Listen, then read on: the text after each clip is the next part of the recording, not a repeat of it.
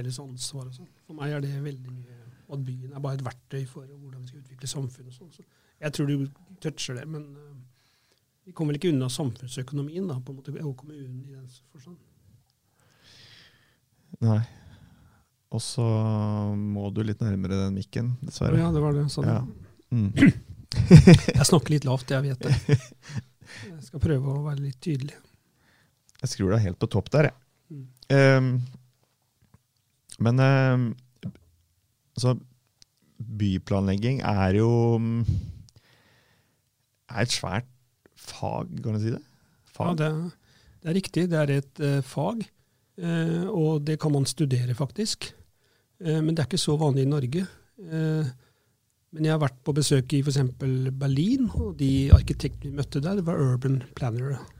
Urban planning. De, de hadde studert byplanlegging. Så det har kanskje vært undervurdert over tid i Norge. Hvor byene er kanskje, med unntak av de helt storbyene, vært steder. Og så har det vært litt mangelfull tilnærming til det faget som du nevner, som er byplanlegging. Eh, så vi har sett eh, at det faktisk har vært litt mangelfullt. Eh, og hele bransjen vår, Norsk Eiendom, har satt mye mer fokus på det de siste ja, vi sier siste fem-ti årene. da. At det har mangla folk som kan nok om byplanlegging i Norge? Nettopp. Fordi de som studerer arkitektur i, i Trondheim f.eks. osv. Du, liksom, du har to fag. da, Du har arkitektur, og så har du landskapsarkitekter. Gjerne fra Ås. da. Men i Norge så har det vært lite, eh, eller veldig få, da, som, og, som har studert byplanlegging. Det er voksne fag på Ås nå. Eh, men eh, det har ikke vært veldig fremtredende i planleggingen av norske byer. Eh, og derfor er det satt mye sterkere fokus på det. For det, den oppmerksomheten som er kommet gjennom arkitekturopprør, og lenge før det, gjennom bransjen, hvor de så at det her kunne man gå glipp av ting. Det handlet jo mye mer om at hvordan planlegger man livet mellom husene? Altså hvordan får man det sosiale til å fungere? mellom alle disse fine byggene vi kan vise og tegne ut og være kreative for og, på osv. Eh, det er noe sånn da, at et bygg står kanskje i 100 år. Mens eh, de veiene og plassene og sånn du planlegger og bygger, de står i mange hundre år. Kvartalstrukturer f.eks. osv. Så, så egentlig så er dette Det du tar opp der, er ultimat viktig, altså. Eh, og heldigvis det, opplever jeg en veldig stor framgang og fokus på det i Norge de siste fem-ti årene. Hvem er, som, hvem er, det som, tar ansvar for byplanlegging? Ta Fredrikstad, da. Hvem er det som tar ansvar for byplanlegging i, i Fredrikstad? I praksis har det vært eh, kommunen, eh, som har hatt et veldig lite miljø. Det er styrket nå de senere årene. De sier det selv. Eh, hvor de gjennom eh, disse kommunedelplanene, som de, de lagde en i 2011, og så lagde de en ny en i 20, ja, var det 2016 eller noe sånt, 2017, eh, og den er oppe til revidering nå igjen. Det både kommune og næringslivet er enige om, er at vi må gjøre det oftere. For verden er veldig dynamisk, ikke sant? og blitt mer dynamisk. Så det holder liksom ikke å gjøre det hvert tiende år. Og det er en av de store problemene vi hadde når vi skulle i gang eh, sammen med Jotun å planlegge videre utvikling på FMV og verksted, det var at én, eh, kommunen hadde ikke ressurser. To, eh, det er kommunen som skal bestemme hvordan eh, bydelen og samfunnet der skal utvikles. Eh, men det betyr at man i større grad er avhengig av oss som utviklere for å være med å sette premissene. Da. Og da fikk vi heller ikke den framdriften, for vi hadde ikke de fagmiljøene vi trengte. Og det skapte jo dårlig dialog over lang tid. Eh, og det har kommunen tatt til seg. Så det er kommunen som til syvende og sist bestemmer det gjennom kommuneplan. Så opplever jeg da f.eks. at politikere og mange i kommunene ikke er nok det ansvaret bevisst. da. De sier sånn Oi, er dette en funksjon av hva vi har bestemt? F.eks.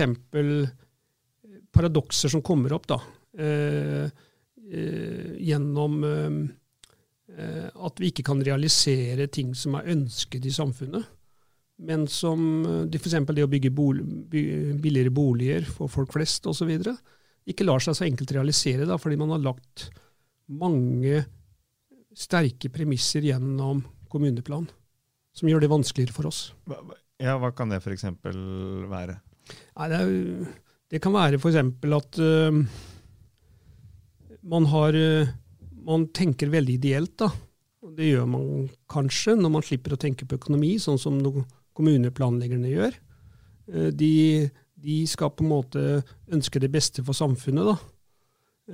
og så er jo det blir ofte en konsekvens av det at det kan bli dyrt. Eksempel så er det veldig sterke ambisjoner knyttet til infrastruktur. Eh, kostnader og ambisjoner rundt eh, parkstrukturer og alt vi ønsker oss, alle sammen. Og vi er jo positive til det. Utfordringen med det, da, at på et eller annet tidspunkt så passerer du en kostnad som gjør at det er veldig vanskelig å bygge for unge og familier osv. i by.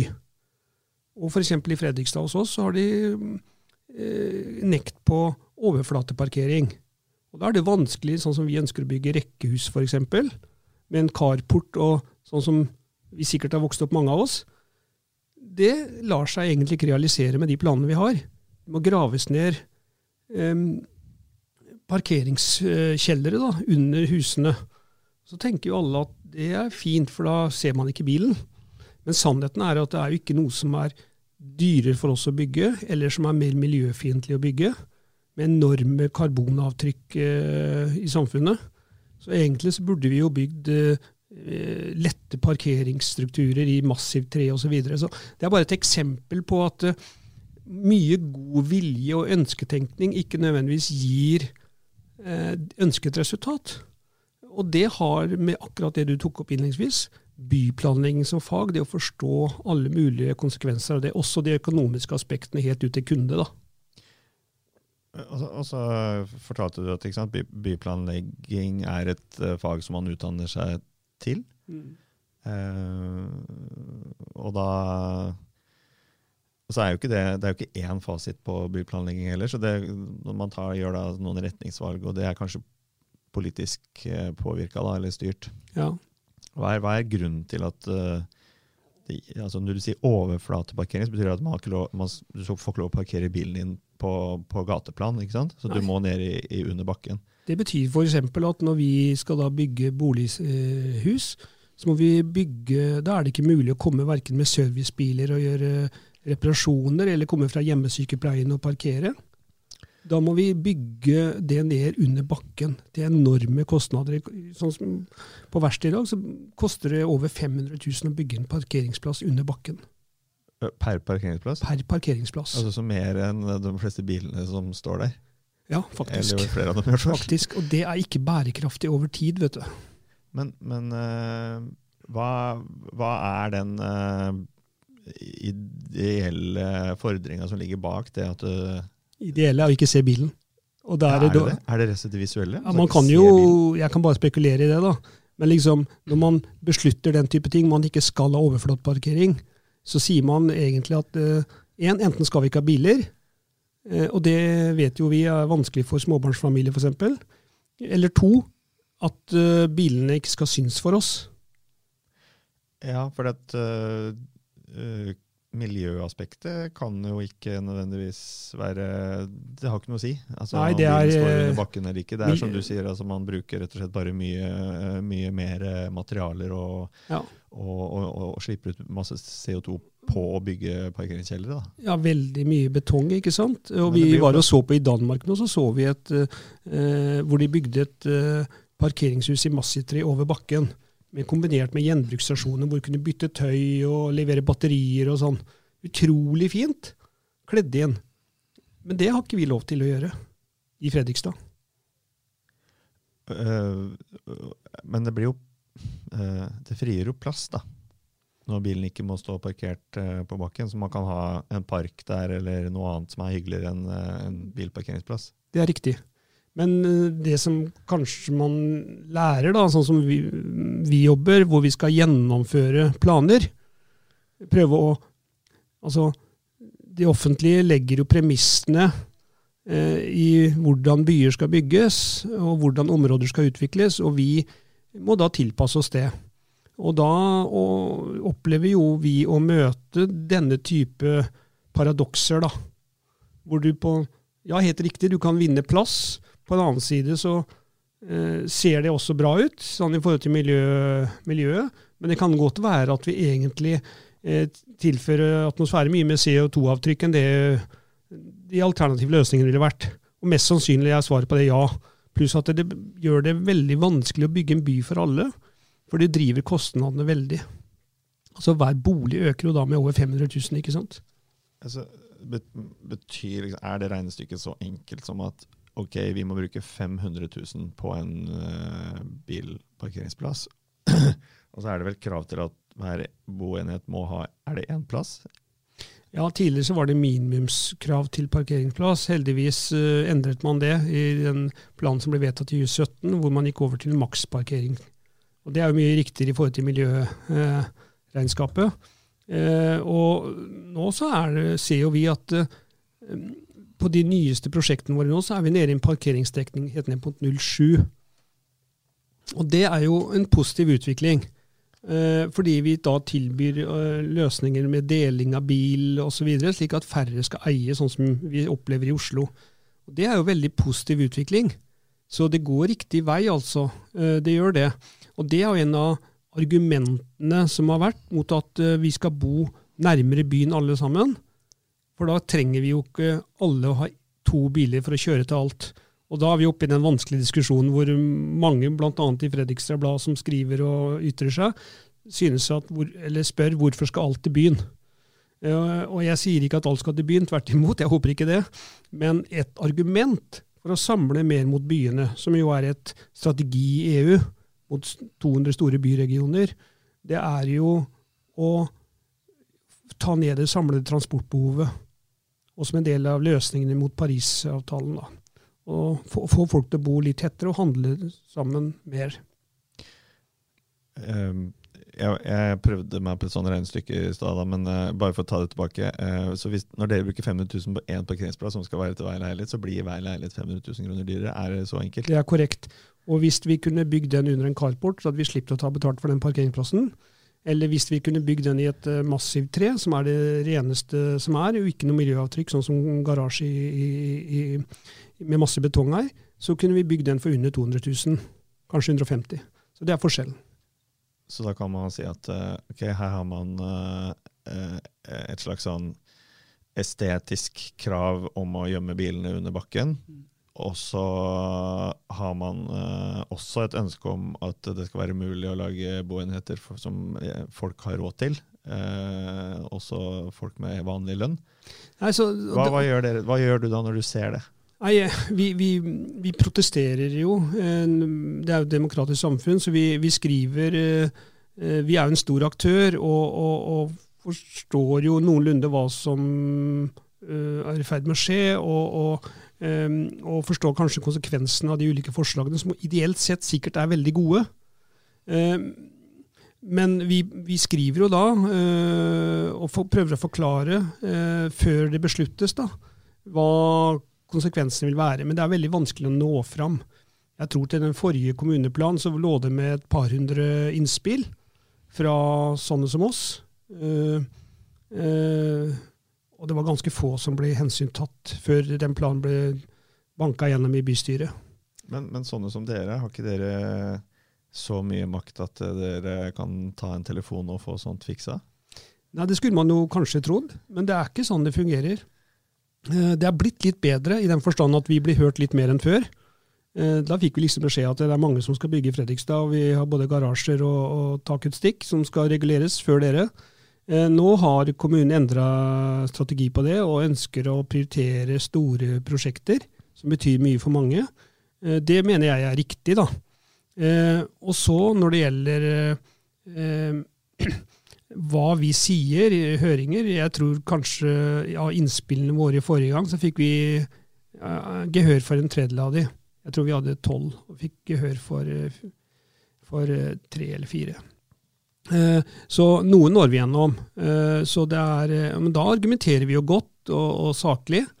Og det er litt sånn at man får forklare. F.eks. For noe vi ikke nådde gjennom.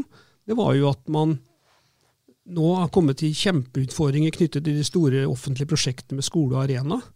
Fordi de oppdager nå at når de selv skal utvikle, så får de en andel av den infrastrukturkostnaden som de selv har pålagt gjennom store ambisjoner knyttet til byutvikling. Det det jeg nevnte innledningsvis. Eh, og fordi man har jo eh, satt en ambisjon som mange vil tenke dette er jo flott. En, over 50 mål med parkområder. Um, voldsomme veisystemer med grønne og syk, egne sykkelveier, egne gangveier og bilveier begge veier osv. Utfordringen med det er at når du skal kjøpe ut og realisere slike prosjekter, så øker du kanskje den delen til Den koster kanskje 200 millioner kroner i sum. Å gjøre akkurat det på akkurat det området ut f.eks. med for, ut det offentlige området ut til enden av den, eh, det området, mot vårt forslag, da, som hadde kanskje kostet en tredjedel. Maks en halvparten. Og, og, det skal jo da alle de som bygger, de får en andel av den kostnaden per kvadratmeter de skal bygge. Og hva skjer da? Jo, da blir det dyrere da, å bygge skole, dyrere å bygge Arena Fredrikstad, det blir dyrere å bygge boliger for folk flest. Så det egentlig vi prøver å si, det er at uh, vær klar over at det kommer til å koste. Og da fikk jeg jo bl.a. noen tilbakemeldinger. Eh, jeg skrev det, eller uttalte meg om det. Eh, og da så jeg det kom flere lesebrev og si at nei, vi må ikke senke miljøambisjonen, vi må ikke senke, ta ned antall grønne arealer, skrev noen kronikkforfattere og sånn hos dere i Fredrikstad Blad. Og det er greit, det er en meningsytring, men det vi prøver å si, er at det, alt, summen av alle gode ønsker øker jo kostnadene.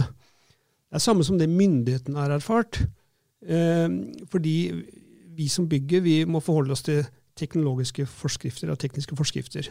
TEK 17 og TEK 10 osv. Nå jobbes det med hele tiden. Og Det som har skjedd gjennom de tekniske standardene, er at uh, man ønsker mer kvalitet. Man ønsker at alle som er i en rullestol, skal kunne uh, ha tilgang til alle leiligheter. Det ble senere endra til å si at uh, en andel antall leiligheter skal være, kunne tilpasses for, for alle. For det blir jo en enorm kostnad for alle leiligheter. da. Eh, og, og, men ideelt sett skulle man kanskje hatt det. Eh, men, eh, og det samme er jo med, med isolasjon, tykkelse osv. Og, så videre, og vinduer. Alt blir bedre. Men hva skjer? Alt blir veldig mye dyrere. Og, hva, og så leser vi i avisa at alle er bekymra for kostnadene å komme inn i boligmarkedet for unge osv. Så, videre. så vi kommer til å bo i de dyreste og fineste boligene i hele verden til slutt, hvis vi fortsetter slik. Og så er det bare færre og færre som kommer til å få råd til å bo i de. De blir leielendinger isteden. Og det er en utvikling jeg ikke ønsker meg. Og jeg tror i utgangspunktet at vi har den boligmodellen i Norge hvor du kan eie din bolig. Det er den beste for å fordele formue på mange. Slik at alle får en økonomisk trygghet i bunn hvis noe skulle skje dem. At de har noe å ta av i et gitt tilfelle. Eh, men eh, sånn som myndighetene driver det, så blir det dyrere og dyrere. Og det vil bety at en færre andel vil få råd til å kjøpe boligen sin. Men er det i det hele tatt mulig å tenke seg at man skal liksom lempe på sånne kvalitetskrav som du nevner her? da? Altså sånn, Du nevner TEK17. Etter jeg vet så er det sånn, det er en masse krav til uh, at det skal være membran på badet og doble mm. plater og ja. Ja, det er voldsomt. Er det liksom er det mulig For det har jo bare gått én vei. De der kravene har blitt strengere og strengere for uh, hver gang de der tech-reglene ja. Har du en drøm om at man skal liksom si ok, nei, nå lager vi en tech 15, så går vi et skritt tilbake og så sier vi at det ikke, bør ikke gjøre det så dyrt? Ja, Forrige regjeringa gjorde faktisk en tilpasning med akkurat dette med, med, med hvor ikke alle leiligheter måtte forberedes for kunne, at alle skulle kunne kjøpe dem eller bruke dem. da. Universell utforming. Universell utforming. Ja. De, de, gjorde en endring på det. Uh, ja, For da var det sånn at alle leiligheter måtte ha det, og så visste man at uh, ikke sant, det er uh, en pros liten prosentandel av befolkningen som har behov for det. Ja. ja. Så kunne man heller gjøre det sånn da, at de fikk heller prioritert på, å velge leilighet. da, ikke sant? Det finnes ulike måter å løse det på. Eh, at de kom først i køen, og så kunne finne leilighet først. og så kunne den være, ja. Mm. Så, så det, er en, det, er en, liten tilpasning. Ehm, men det er, eh, og Som betydde en del, det også. Men det er jo på et eller annet tidspunkt så må vi nok bestemme oss for at nok er nok. At vi ikke bare kan øke de ideelle kravene til hvor godt vi skal bo. Og nå er det jo blitt sånn at det er et kjempeproblem for oss som bygger boliger nå, med at boligene er blitt for tette. Ikke sant? Isolasjon eh, har økt eh, veldig, og kravet til byggemateriale har økt veldig. Men det vi sliter med i mange av leilighetene vi har solgt, er jo at folk sliter med å få ned varmen i sommerstid. Folk vil ha store vinduer, ikke sant. Eh, det gjør at vi må bruke mye penger på solskjerming, som igjen øker kostnadene veldig. Og det blir heller for varmt enn for kaldt da, i de leilighetene. Så det er liksom en begrensning for alt, tenker jeg. Så jeg tror i sånn samfunnsperspektiv at vi, må, vi, må, tenke gjennom den utviklingen. Men svaret til det du spør om, tror jeg nok er dessverre nei. For det er nemlig andre mennesker som driver med sånne ting, enn de som sitter og ha, føler for at mange ikke kommer inn i boligmarkedet. Og det er ingen som tar den helhetsperspektivet. Ref, sånn som jeg nevnte i Fredrikstad, på FMV og verksted, hvor vi har da sagt at det kommer til å fordyre voldsomt. Gjør det veldig vanskelig for oss å bygge familieboliger. Hvilket vi ønsker veldig. Og vi jobber konkret med nå for å likevel da, prøve å få til type rekkehus og få yngre mennesker inn med en, og kan bo i byområdet, ikke bare må langt ut og ha flere biler, kanskje. Men de som har planlagt, de har ikke tenkt på det. De har stilt krav til hvor godt det skal bli som byområde, med parker og, og, og infrastruktur og det mest moderne av alt. Men det er jo de byplanleggerne da, som du vil ha flere av? Ja, eller kanskje er de først og fremst da det er jo, De er jo arkitekter og, og planleggere, så de er jo ofte ikke gjennomførere og kommersielle sånn som vi er. Så jeg tror til syvende og sist at det er derfor vi har politikere, da, og noen som kan, eller si konsernsjefer og noen øverst i kommunen og øverst i det politiske regimet som må si her må vi se flere ting opp mot hverandre. Og hvis vi skal la alt følge det ideelle, så blir det veldig vanskelig å få med alle, eh, få gode løsninger for alle. Så der, det, det er det jeg syns er vanskeligst uh, for meg selv personlig, at jeg ser en del ting i samfunnsutviklingen hvor man driver ting i en retning som gjør at det blir vanskeligere å få alle med. Det syns jeg er litt synd. Og Vi skal ikke lenger enn til Sverige og Danmark og Tyskland, eh, for vi ser en veldig mye større andel som er leielendinger, da, og ikke kommer inn i boligmarkedene. Ja, Spesielt Danmark. Jeg leste en gang at eh, der, der, var det jo nesten uvanlig å eie sin egen eh, bolig. Ja.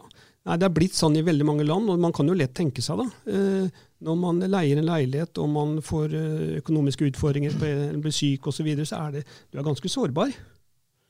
Så kan det sikres med gode rettigheter og, og leieavtaler og sånn, men jeg tror jo at vi skal jobbe hardt for å ta vare på det, den norske boligmodellen. Og det krever at kommunen og fylket og staten er bevisst på det i sin programmering og planlegging, og det krever at vi eh, som utvikler eh, eh, boligområder og byområder, vi må strekke oss for å prøve å få eh, en diversifisering, da, slik at vi, får, at vi ikke får bare eldre, eller at vi får hele samfunnslag inn i områdene, slik at byområdene kan bli for alle. Eh, jeg har vært ute og reist noen steder, og et av de stedene jeg var nå nylig, var eh, der var vi overrasket over hvor få eldre vi så. Det var utrolig mange i et nytt byområde da, som var bygd på en god måte i Rotterdam. Og der var det nettopp slik at uh, de hadde klart å planlegge med noe enklere løsninger, ja, og mindre krav enn det vi har i Norge, og fått veldig mange uh, unge mennesker og familier til å bo der. Og det var et område som var tidligere veldig belastet, og med mye eh, kriminelt eh, osv., men som har blitt Det var jo helt fantastisk å gå der. og hvor de hadde sambruk mellom skolen da, midt, og skoleuteområdene som lå midt mellom husene. Og så var det park for eh, Det var ikke en egen park da, for det hadde kostet penger. Så de, de, de, parken, det som var godkjent som uteoppholdsareal, som vi har krav til på hver enkelt leilighet vi bygger, det var det samme som da lå i skolefritidsgården. Ja, hvor ungene lekte på eh, dagtid. Litt som man ser nå i Fredrikstad, at uh, skolene oppfordrer uh, ungdommene til å bruke skoleområdet som et oppholdssted på kveldstid. Sambruk. Ja. Og da får man jo med, da kan man bygge flere boliger, da, ved å frigjøre flere områder osv. Så, videre. så det er liksom det finnes eksempler ute i verden og rundt i Europa hvor man er ganske bevisst det her, for å få folk inn i boligmarkedet. Men du, du må reise ut av Norge for å finne gode eksempler, eller altså, er, er, vi, er Fredrikstad hvor, hvor god eller dårlig er Fredrikstad på det her? Eh, jeg tror i Norge, når det gjelder byplanlegging, så er det de store byene som, eh, som har vært prioritert og har bygd kompetanse. Og, og, drar man til Danmark, så ser man enorme forskjeller mellom Norge og Danmark igjen. Eh, eh, det, det, er eh, Tyskland også. Vi har, en, vi har, mer å gå på. det, Jeg tror som sagt at, at vi har hatt veldig få storbyer med, med, med press på bykjerna. Det er jo sånn at veldig mange byer i Norge har veldig små bykjerner. F.eks. i Fredrikstad. da, så har ikke vært Nå har vi nå har det vært veldig mye fokus på bykjerna i Fredrikstad de siste seks-sju årene. Men vi gjorde en analyse hvor vi kartla bykjernene i alle norske byer, og fant ut at Fredrikstad var den 24. Eh, hadde 24. største bykjernen. Og så er vi den sjette Sjette største byen. Mm. Mm. Så jeg tror vi har blitt syvende største nå. Vi har rykka igjen ned etter noen sammenslåinger. Men, men eh, det, er, det, henger jo liksom ikke på greip. Og da når vi leser liksom i avisen hele tiden at eh, nei, hvorfor skal alt til byen og sånn, sannheten er at det har vært veldig lite i byen. Og det er fordi at de, når kommunene slo seg sammen, så var det jo så sårt så lenge at de var mest opptatt av å opprettholde de fem kommunesentrumene. Og de er jo fine, de. Jeg er selv fra Borge, og det var helt suverent, det. Eh, og de som er fra Gressvik og Onsøy, er glad i det. Så det er ikke noe feil med det. Men jeg tror folk i stadig større grad forstår at eh, det er viktig å ha et sted som vi eier sammen og har fellesskap rundt, og det er byen. Det er bysentrumet. Sånn må det nesten være. Et sted å møtes, og det er en møteplass hvor ting skal skje. Eh, du nevnte nå, altså, både du og jeg har vokst opp på Selbakk. Ja. ja. Det var jo en det var sentrum. Og var det et bysentrum. Ja, det var ja. bysentrum. Og det var godt planlagt også. Ja, eh, og du er jo vet, du er opptatt av de tinga her. altså eh, ja, du jobber og driver måte business i eiendom og, og by, byutvikling, men, eh, men, men, du er jo så Du nevnte det i stad, eh, livene mellom husene. Eh, har, har, det å vokse opp på Selvåg betydd noe for måten du er eh, fagmann i din eh, rolle nå? Jeg vet ikke, men det er i hvert fall et sted hvor man lærte å bli glad i stedet sitt. Altså, Vi hadde jo et bysentrum, følte vi. Stort som bare den. Jeg, um, jeg hadde noe, aldri vært i barnehage. Jeg har vært i gatene fra jeg var eh, ett år. Moren min jobbet, uh, og vi var alene. Hun var alene med meg. Så jeg fløy ut i gatene fra jeg var ett og to år. Eh, og bussen gikk fem meter fra inngangsdøren vår hele tiden. Så det, sånn lærte man jo å overleve på Selbakk. Ehm, men det har jo eh, Det var et samlingspunkt, da. Så det har i hvert fall gi meg en sånn en har veldig tro på at man må ha noe sammen, da, noe felles. Og, og, og, der hadde vi jo, Det var et komplett samfunn. Vi hadde alt fra jernvare til sport til, til bakerier. Hadde, det var nesten et komplett samfunn. Og så er det noe som ligger i bunnen der, og det er den derre sosiale eh, sosial rettferdighet og sånn. Nå er jeg blitt en sånn næringslivsmann og økonom og tjener mye penger og alt sånt noe, men jeg, jeg er veldig opptatt av sosial rettferdighet likevel, liksom. Ja, hva, eh. hva, hva, gjør det med deg da, i, eh, i jobben? Uh, opplever du at du møter folk som er, er mer den eh, Unnskyld. Som lever den rollen som du beskrev først der, næringslivsmannen som ikke sant? Mens du sitter og, og, og tenker på andre ting. Ja, jeg, vært, jeg, tror det går an å kombinere det. Jeg tror I Norge så, vi, så opplever jeg at vi er eh, ganske gode på det.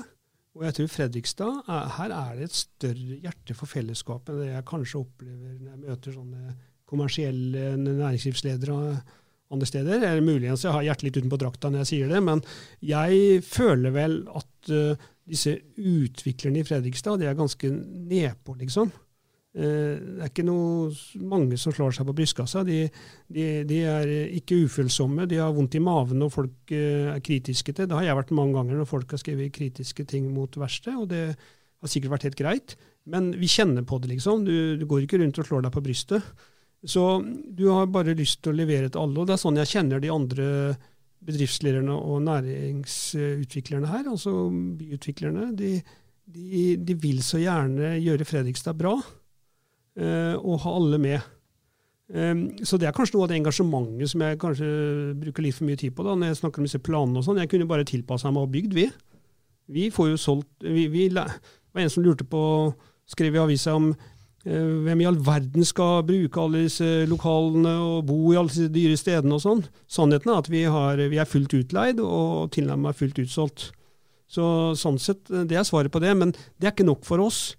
Vi vil jo bli huska for å være med å, skape et bedre Fredrikstad. Eh, og det er et veldig stort ansvar som jeg føler veldig på. Og da har jeg med mye av det sosiale, kall det si oppveksten og eh, det å Eh, at jeg tror de beste samfunn er når vi, vi tar vare på hverandre og bygger noe sammen da, som alle kan leve i.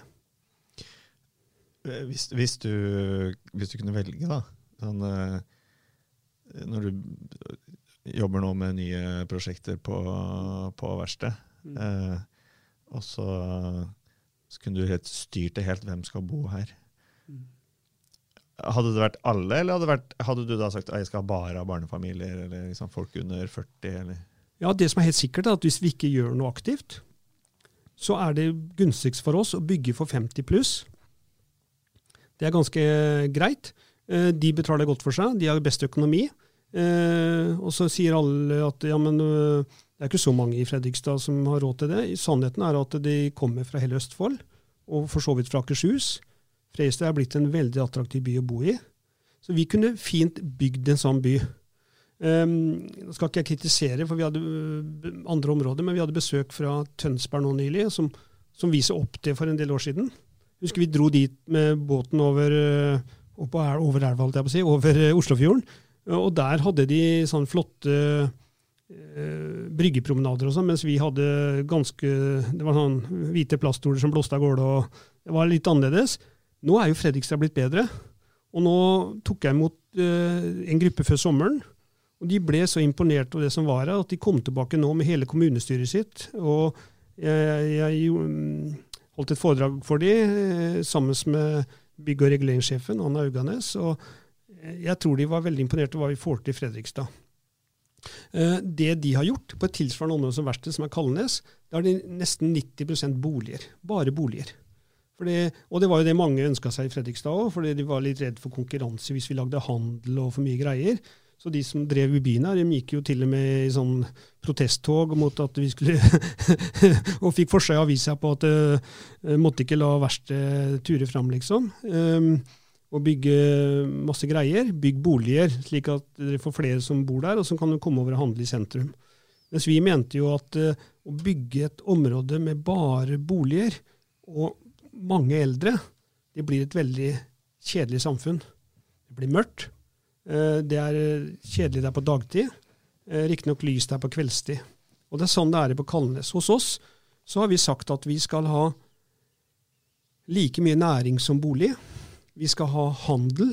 Vi skal ha kultur. Vi skal ha idrett. Vi skal ha skoler. Vi skal ha parker vi har nå fått enda et krav for å bygge en, eh, en ny vekstskole, da, ikke istedenfor, men en ny skole ut, for å få lov å bygge ut 3000 boliger, så må vi bygge en ny skole. Det kunne vi protestert heftig på, for det er ingen som vil det i utgangspunktet, for det taper man jo på kontra å bygge andre ting. Men vi har sagt at Det er en del av samfunnsansvaret. Det skal vi snu rundt, og så skal vi heller gjøre til at uh, da har folk lyst til å bo i nærheten av skolen. F.eks. barnefamilier osv. Så, videre. så det er ett sånt trekk. Vi har til og med nå gått så langt som å tegne ut forslag osv., akkurat som vi i sin tid gjorde med videregående skole. Arena Fredrikstad. Vi tegna ut forslag der. Um, brukte penger på sånt. Uh, og det er fordi at vi tror på et sånn holistisk eller helhetlig samfunn, hvor alle kan bruke området. Sånn som du ser i eksisterende by her nå. Um, og jeg er, Vi har et veldig konkret eksempel nå. Vi, vi bygger jo noen type hus. Vi, vi, slåss for å få inn altså vi, vi tar inn borettslagsmodellen helt bevisst på noen prosjekter for å få, få til eh, at unge lettere skal komme inn i de boligene. Vi har et nytt område nå som vi planlegger ved siden av der det kommer en fremtidig ny barne- og ungdomsskole, hvor vi planlegger, er satt av eh, et ganske stort område eh, på ca. Eh, ja, 30 mål, hvor vi skal bygge familieboliger. Boliger for unge osv. Rimeligere. Både blokkstrukturer, men da med svalganger og bygge det litt billig, som insektsboliger for yngre og rekkehusområder. Og det er jeg så stolt av, fordi eierne i verkstedet og styret i verkstedet kunne fint sagt at ja, men Trond, her får du jo bare syv boliger på målet. Mens hvis vi bygger blokk, så får vi ca. 15 boliger på målet. Altså en halvering, da. Så sånn tomteverdi og utviklingsmessig så er økonomien da bare halvparten så bra for oss som vi skulle bygge blokker. For eldre, f.eks. Det har vi valgt i vår strategiplan. Satt av ganske store områder til det. Og bygge et par hundre sånne rekkehus rundt skoleområder osv. Det er et vel... Og det tilsvarende med rimeligere blokkstrukturer. Det er for å få diversifisering, for å få variasjon i, i bomiljøene, og få hele befolkningen til å kunne flytte inn her etter hvert. Selv om du må bruke masse penger på å grave ned bilene deres? masse penger på å kjempe mot å bygge dyre garasjer under ja. de boligene, som vi mener er galskap. Um, for de boligene kjemper vi liksom Det ideelle ville være så Det er 10% ekstra kost på boligen eh, fra hva det trenger å være. Det, det må vi prøve å unngå. Eh, så vi har mange De kommer ikke til å gi oss på det. Men det er sånne ting vi kjemper for. Og det er for meg eh, ting som gjør at eh, vi prøver i hvert fall ikke bare å flyte med, da. Bare gjøre sånn som i Barcode i Oslo, hvor en bare bygger, og bygger dyrt og tar ut høyeste pris til alle, og bryr seg ikke om hvem som flytter inn. Og hva får du da? Da du jo, blir det jo de privilegerte som flytter inn, da. Helt i vannkanten der. Så det vil sikkert bli mange privilegerte hos oss også, men vi skal kjempe hardt for å få med alle. Få et tilbud til alle. Du har nevnt Arena Fredrikstad et, et par ganger, og det er jo et hett tema. Hvor, hvor, frustrerende er det å har det vært å jobbe med det prosjektet? Det har jo Vi har sett eksempler på det før, men det jeg vil bare si som er veldig trist i samfunnet vårt, sånn som jeg observerer det, det er jo at uh, i Norge så er vi ganske gode på å følge vi har høy tillit, som statsministeren sier gjentatte ganger, til hverandre. Uh, vi er gode til å forholde oss til lover og regler osv. Avtaler du gjør, står sterkt. Folk vil etterleve uh, lover og regler og avtaler. Og da er det vondt, da. At du opplever Og vi har opplevd det før også, med fylkesscenen. Men vi har opplevd det nå her i dette tilfellet, hvor det offentlige går inn, og båndlegger store områder hos oss etter at vi, det har vært en stor konkurranse med først 16, og så 10, og så 3, og så valgte de igjen. Masse jobb, masse tid, masse kostnader. Vi brukte over en million kroner i å tegne et forslag osv. Inngår juridisk bindende avtaler. Så sitter man altså fem etter at det skulle vært i gang og bygget, så sitter man og lurer på om man skal gå ifra de avtalene og gjøre noe helt annet. Og det er selvfølgelig for oss uh, frustrerende, fordi det, det, er jo at det i hele tatt kommer til diskusjon, er jo, er jo helt forunderlig. Kommunen vil jeg si har vært veldig ryddig, mens fylket har jo ikke vært det. Og vi møtes jo i administrasjonen i fylket, så møter vi at nå er vi Viken, og vi, dette var jo Østfold som beslutta. Så sier vi ja, men det er jo et eh, juridisk subjekt. Det må jo forholde oss til, til Hvis to bedrifter i næringslivet fusjonerer og slår seg sammen, så må jo de avtalene de har inngått, gjelde uansett. Og nå er det motsatt. Nå sier de at, i Viken at ja, men øh, nå skal jo Østfold bli eget. Og de må ta en ny beslutning om de vil bygge en skole. Det er ikke sikkert denne skolen blir slik, sa utbyggingsdirektøren til meg. Eh, så sier jeg men det er jo inngått avtale om for lenge siden. Ja, men Østfold er ikke sikkert har råd til det. Altså, det blir veldig vanskelig å forholde seg til, eh, til, slikt. fordi hvis vi hadde gjort det sånn i næringslivet, eller mellom privatpersoner, da. Hvis jeg avtalte avtalt å kjøpe et, ditt hus eller din bil, og så, og så kommer jeg ikke og følger ikke opp avtaler, så er det regler for slikt. Så jeg tror jo ikke at, at man tenker igjennom nok da hvordan man kommuniserer og opptrer. Det er sikkert mange, De er sikkert gode alle sammen, men summen av det de kommuniserer, er jo fryktelig. Det er jo bare så vondt å oppleve. Så det er det formelle. Og nå er det veldig slik at uh, hvis de virkelig ikke vil bygge den skolen og arenaen, som hadde vært viktig for Fredrikstad, så kunne vi snu oss rundt og solgt det her til store utviklere eller bygde selv, for helt sikkert det dobbelte av prisen. For det har steget voldsomt siden de inngikk avtale. Så vi vil isolert sett tjene på det. Men vi tenker ikke sånn. Vi, ja, vi, har vært med å kjempe for å få en ny skole i Fredrikstad, som sikkert både du og jeg gikk på for 30 år siden, eller i hvert fall jeg. Eh, veldig lenge siden. Langt over 30 år er vel nå. eh, eh, nei da. Uh, så, så, så, så uh, den er jo helt utrangert, og det kommer en ny jernbanelinje over de områdene. Så hvis de nå ønsker å hoppe av, så har de jo mulighet til det, men de, setter seg jo selv veldig, veldig langt tilbake. Så, og vi tror jo at det er god byutvikling å bygge en ny læringsarena midt i byen, da, hvor ungene våre kan få en positiv opplevelse av å være på skolen i moderne klima og læringssituasjoner osv. Vi trenger jo mer utdannelse her nede, så det er bare positivt at vi får gode læringsarenaer. Eh, og kanskje har de da så god historie med seg fra skolen sin at de har lyst til å komme tilbake når de har vært og gått på skoler videre også. Og det trenger vi jo, at ungdommen kommer tilbake. For i en lang periode så var det slik at man flyttet ut av Fredrikstad, og veldig mange flyttet ikke tilbake igjen. Så man hadde et eh, eh klart lavere andel av befolkning mellom 30 og 39 år, da. Altså Der var vi veldig lave. Man flyttet ut, og så kom man ikke nok tilbake. Og Det har med attraktiviteten i samfunnet vårt å gjøre. Og at vi har arbeidsplasser og utdanningsinstitusjoner osv. Så, videre. så det er veldig viktig å gjøre sånne ting.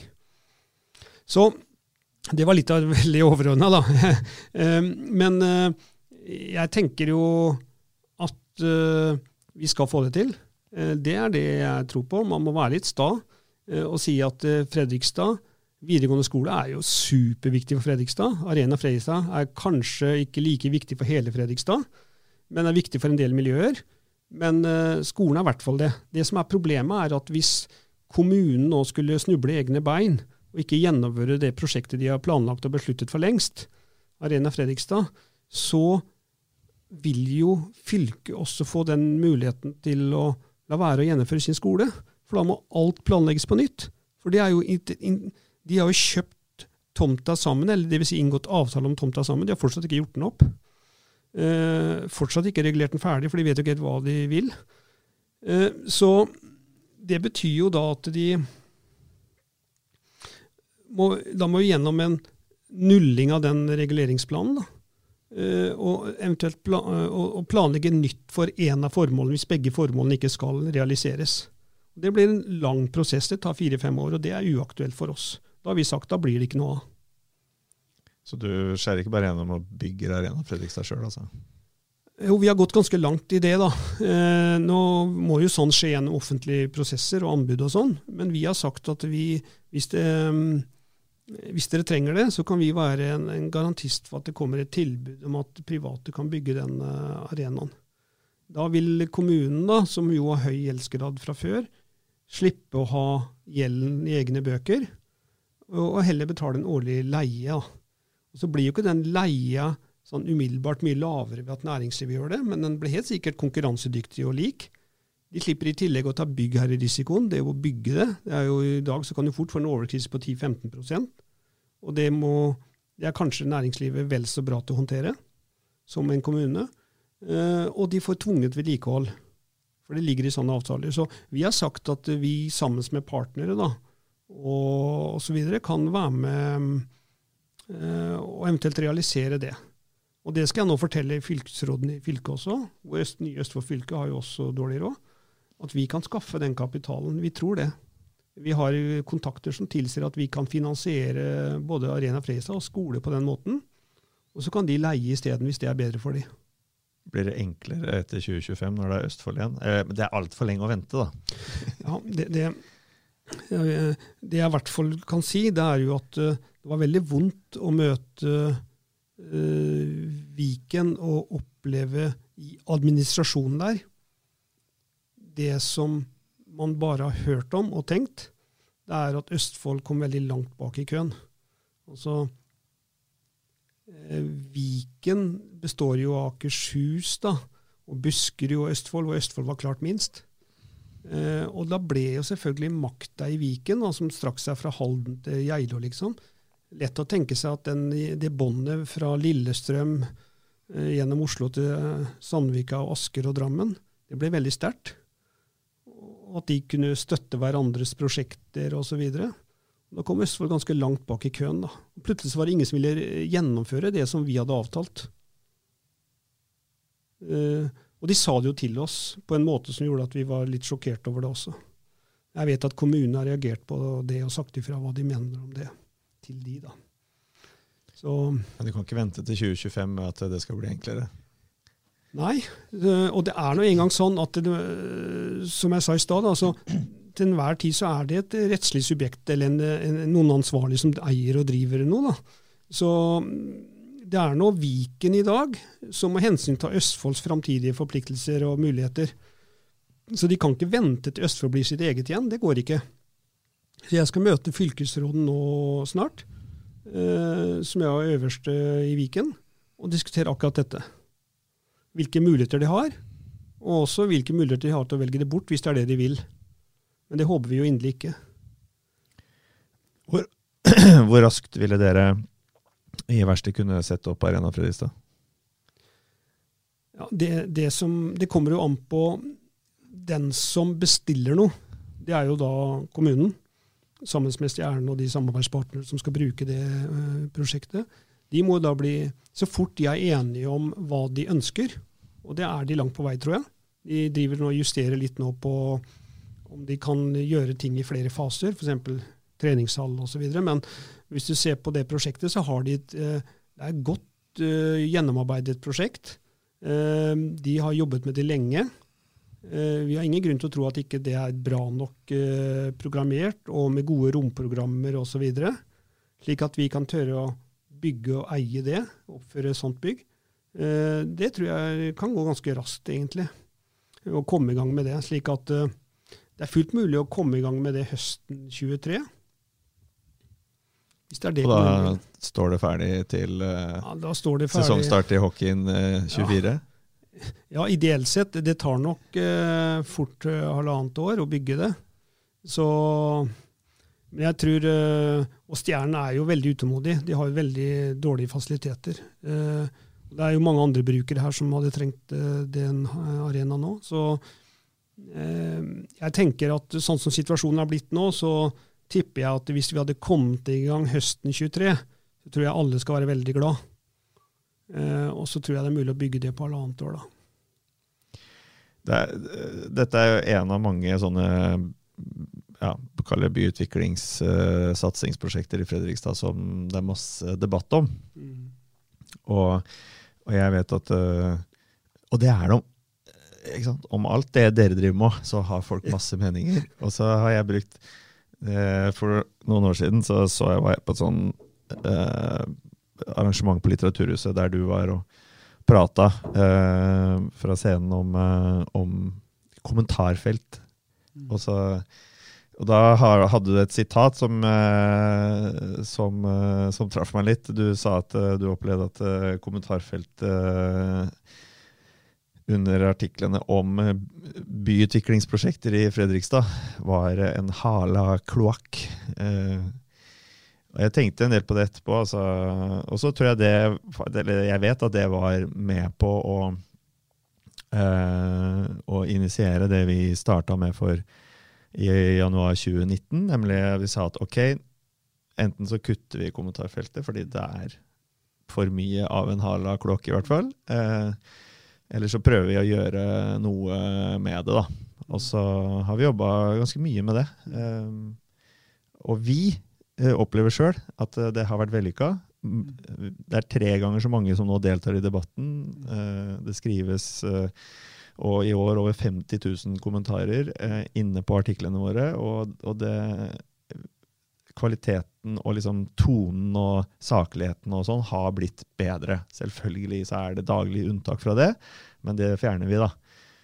Og så er jeg spent på, da, siden du starta hele det her ha, Leser du det eller Du slutta kanskje å lese kommentarfeltet, men uh, hvis du ikke har slutta helt, da, har du, har du sett at det har blitt, om det har blitt noe bedre?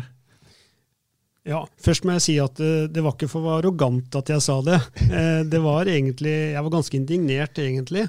Fordi jeg syns uh, i Fredrikstad så har vi en ganske god debattkultur. Og jeg syns Fredrikstad Blad er gode på å skrive om byutvikling. Jeg har vært styreleder i Næringsforeningen i seks år og sett endringen og fokuset man har hatt på betydningen av næringsutvikling, liksom. Eh, betydning av vekst og utvikling, og heie, ikke være kritiske, men samtidig heie litt da, på næringsliv, arbeidsplassutvikling osv. Veldig gode, eh, mye gode artikler eh, og god, godt fokus. Jeg, synes, jeg leser det nøye, og jeg syns det har vært en endring fra Jeg kom jo hit til Fredrikstad, eller tilbake til Fredrikstad da, i 20, 2010, og da syns jeg de første Da var det litt sånn negativt, men så har det har man endra attityd på det. Og da skal man mer om konkursene enn eh, åpningene, syns jeg. Det blitt, så det er så mye positivt. Eh, og så syns jeg da det er synd at når gode artikler god, eh, og god journalistikk blir litt Får en hale med ting som enten er feil, altså det er faktisk rene feil, og det har det vært mange av, som jeg tenkte skal jeg gå inn og korrigere, men det, det ble jo litt slitsomt. Uh, eller helt usakligheter. Eller rett og slett eh, veldig destruktive, stygge ting. Eh, og så er svaret på det ja, det er blitt utrolig mye bedre. Jeg, jeg leser ikke alle, alt det hver gang, fordi jeg er mest opptatt av selve artikkelen. Eh, eller debatt, og kronikker og debatter og sånn syns jeg er veldig spennende. og vi, vi, må tåle det, vi som er aktører her, å få eh, gode debatter og engasjement og kritikk. Det, har vi fått vår del av i verkstedet òg. Det, det, det, er bare fint. Fordi det er jo et veldig stort ansvar å drive med det vi driver med.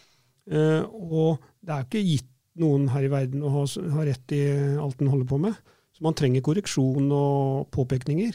Så det, det der tar vi helt fint. Men jeg opplevde jo at det i en lang periode var en liten gruppe med eldre, sinte menn uh, som skrev mye dritt. da. Og det syns jeg var synd. Men jeg syns like synd i de journalistene som hadde jobbet kanskje i tre dager med en artikkel, og så få en sånn eh, Og så husker du kanskje mest like ofte de tre kommentarene som du husker selve artikkelen. Så det ble, det ble veldig sånn snålt. Eh, og hvis man kom med en påstand der, uimotsagt, så, så, kunne den hefte med. Og så tenker jeg i Aftenposten og Dagens Næringsliv sånn, så leser jeg ikke så mye sånne øh, henge på, da de blir i hvert fall tatt bort, hvis ikke de er riktige. Og jeg kan love deg, det har stått mye feil om oss der, som ikke jeg har giddet å korrigert. Eh, men eh, svaret er veldig enkelt. Eh, så lenge man modererer og fjerner de usaklighetene osv., så, videre, så er det faktisk på et nivå at hvis vi føler at det er veldig feil, så kan vi gå inn og korrigere og opplyse. Men vi tar aldri mening. Vi sier aldri at du tar feil og sånn. Hvis du ikke syns det vi driver med er bra, så det, kan ikke vi si jo, det er bra.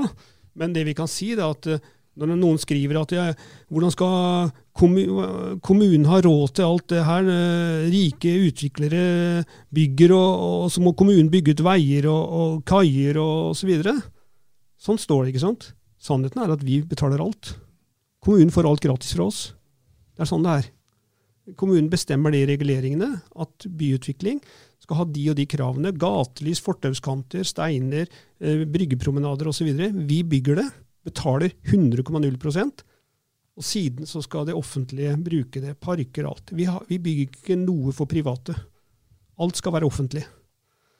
Eh, det er ikke sikkert det offentlige skal eie alt, for da må de klippe gresset, ordne og, og, og, holde på med kaier og alt. Så vi gjør gjerne det òg, for vi har som mål å ha de fineste uteområdene i byen, og ikke belaste kommunen mer enn vi må. Men vi betaler alt. Det er greia. Så, så det er sånne eksempler, da. Men svaret er at jeg syns det fungerer bra nå. Det har blitt uh, veldig mye bedre. Og det er jeg glad for, ikke minst av hensyn til Freys Blad også. Um, fordi jeg tror uh, det er med å bygge opp under å lage god journalistikk og ha, fokus og, og, ikke minst kritisk blikk på det vi holder på med. da. Godt å høre. Vi skal faktisk ha en liten eh, samling her med, med moderatorene eh, etter at vi har prata sammen eh, her i dag. Eh, og da skal vi diskutere om vi skal bli enda litt strengere.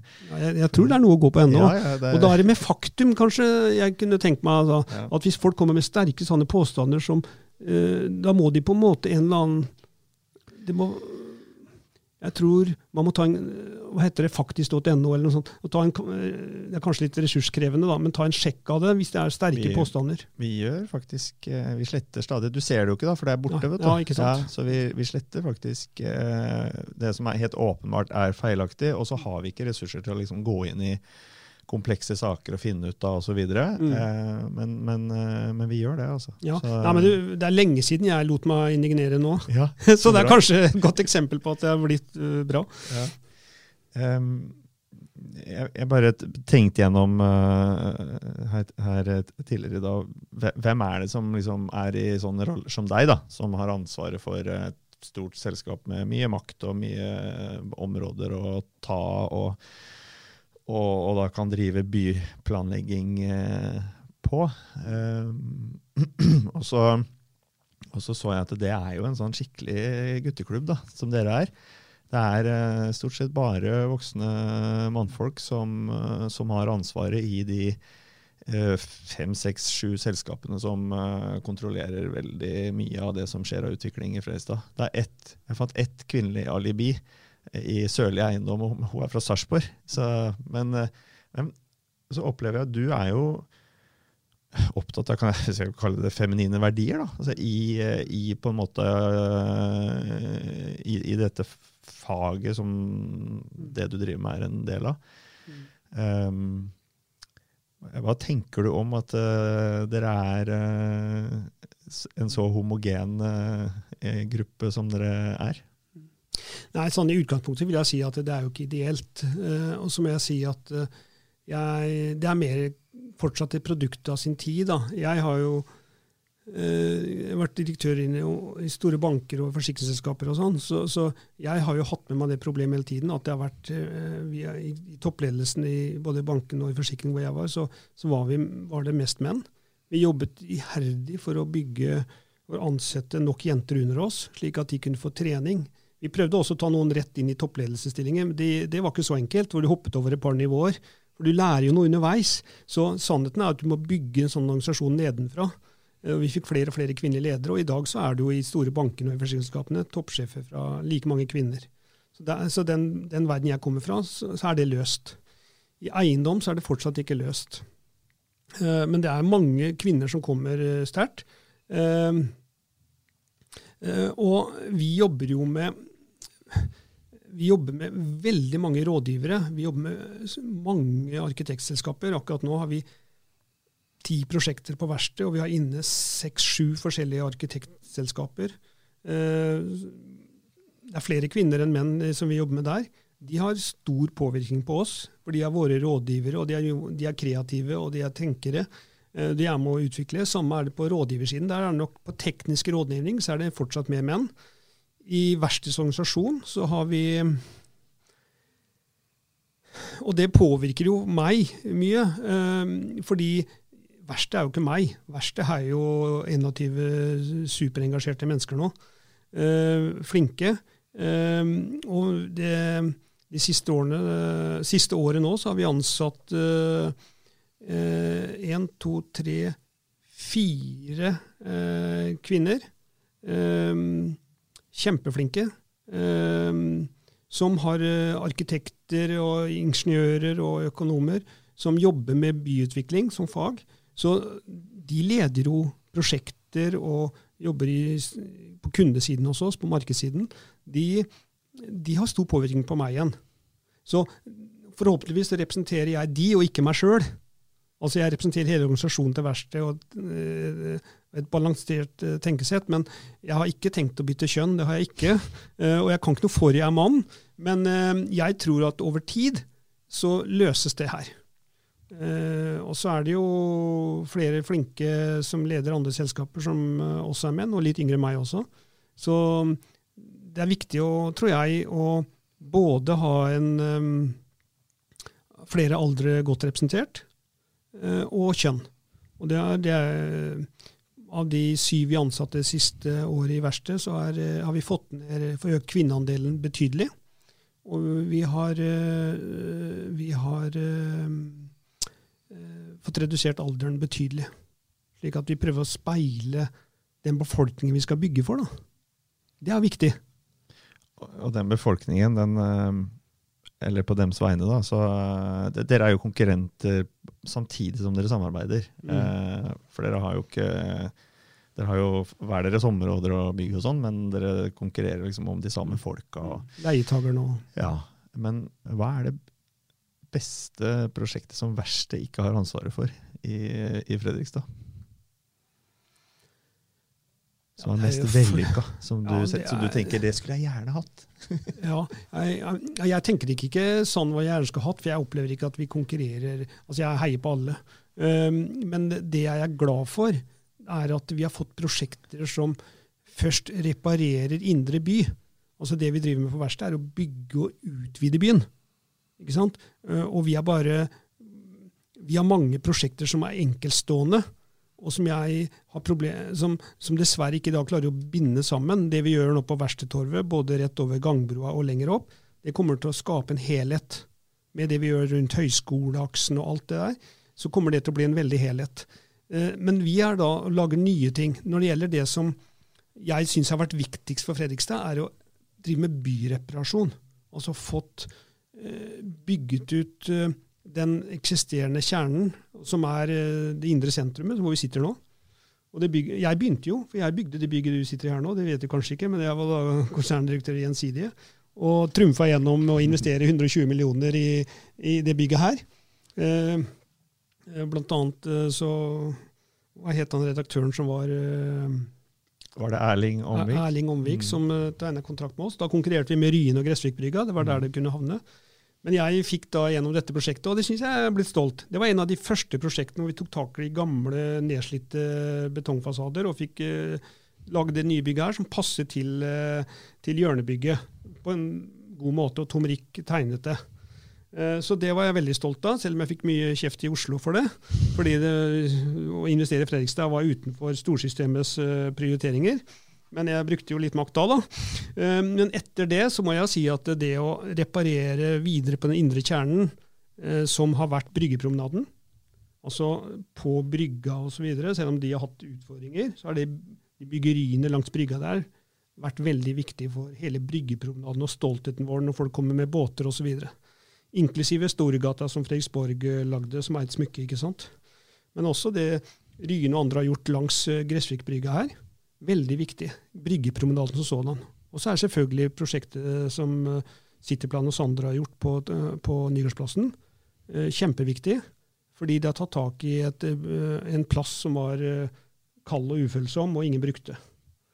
Og så er det det som skjer nå, at man tar tak i huller i gågata og får ordnet opp der. Det er superviktig. Og kommunen har lagd et nytt, flott rådhus på en bra plass i byen. Så det er gjort veldig, veldig mye riktig Fredrikstad. Veldig mye riktig. Og, og hvis du og jeg stikker tilbake til gamle eh, tomter på, på Selbakk. Der hvor det var et svært lerehøl etter Leka, Mm. som ble fylt opp med, med regnvann. Mm. Eh, og det, det som har skjedd rundt den dammen, og som fortsatt skjer der. Hva syns du om det? Ja, det er helt fantastisk. Eh, Så det Arconova de fortjener heder, for de tok tak i det på et veldig tidlig tidspunkt, før boligmarkedet var så bra som det var nå, så de tok risiko også. Eh, Og så muligheter der som akkurat da ingen andre så, tror jeg. Eh, Å bruke dammen som midtpunkt, og snu den fra noe negativt og til å utvikle det området.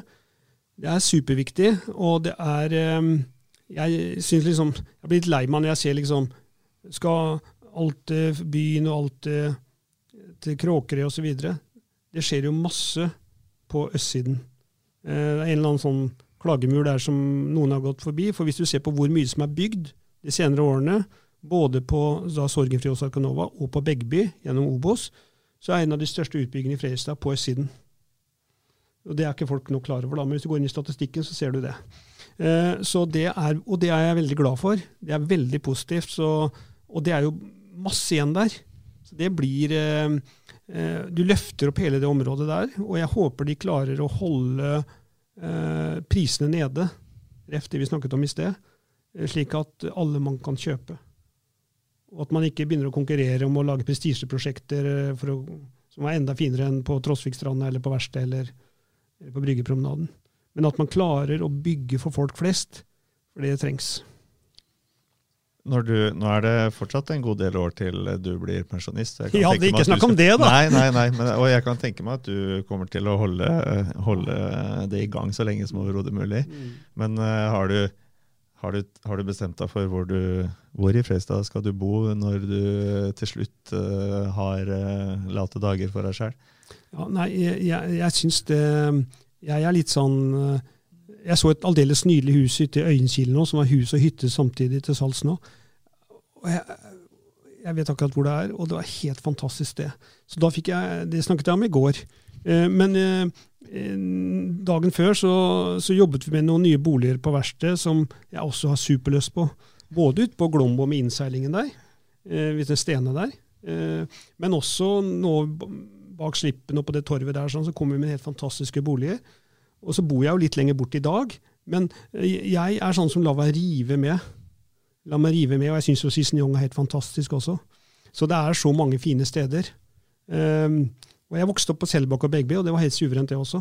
Så jeg, jeg, jeg, jeg er ikke sånn Jeg håper vi klarer å få til å bygge en god by, uh, og med gode uh, steder rundt. Type på østsiden og på Gressvik og på Ambjørnrud og, og Veum osv. Eh, kort avstand fra byen, og at vi får til det sammen. Det er, jeg tror vi har helt unike muligheter i Freistad ved at vi har så mye attributter eller boegenskaper da, gjennom nærhet til skjærgården og nærhet til den flotte elva osv., som gjør at vi trives i byen vår. Da lar vi det bli eh, Nei, jeg skal ikke si siste ord, for jeg har lyst til å spørre deg òg. Nå har du fått sitte, nå har du sittet her i én time og åtte minutter og, og prata Du har prata ganske mye. Uh, Jeg pleier det, dessverre. ja, men også og, og, og, alt dette kommer til å bli eh, en del av podkasten. Skal ikke kutte ut noe. Uh, så mye taletid har ikke du fått i Fredrikstad Blad engang. Føles det greit, eller? Ja, det går greit. Ja, det er en stund siden. Eh, jeg har mange år igjen å jobbe, jeg. Men når jeg passerte 50, så sa jeg til meg selv at da skal jeg slutte å være så politisk korrekt. Jeg skal begynne å si det jeg mener. Eh, og det har jeg prøvd å gjøre etterpå. Eh, og det tenker jeg kan være bra noen ganger.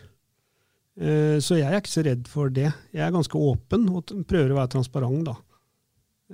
Så jeg syns Hver gang det ringer en journalist, så tar jeg alltid telefonen. Eller jeg ringer alltid tilbake. Jeg har aldri ingen kommentar osv., for det mener jeg blir feil. Eh, og så får jeg heller tåle at noen kritiserer at jeg var litt tidlig ute eller sier noe osv. Men jeg har som prinsipp at vi skal være Vi har et stort ansvar eh, med det vi holder på med, og jeg har det spesielt. Så jeg er nødt til å Eller jeg ønsker å være veldig åpen og transparent på det vi gjør, og det jeg sier, da. Og så er dette podkast. Er Bruker du podkast? Ja, jeg bruker podkast mer og mer, fordi da kan jeg målrette det jeg er ute etter, eh, og høre på gode samtaler og sånn. Så det har økt på eh, det siste.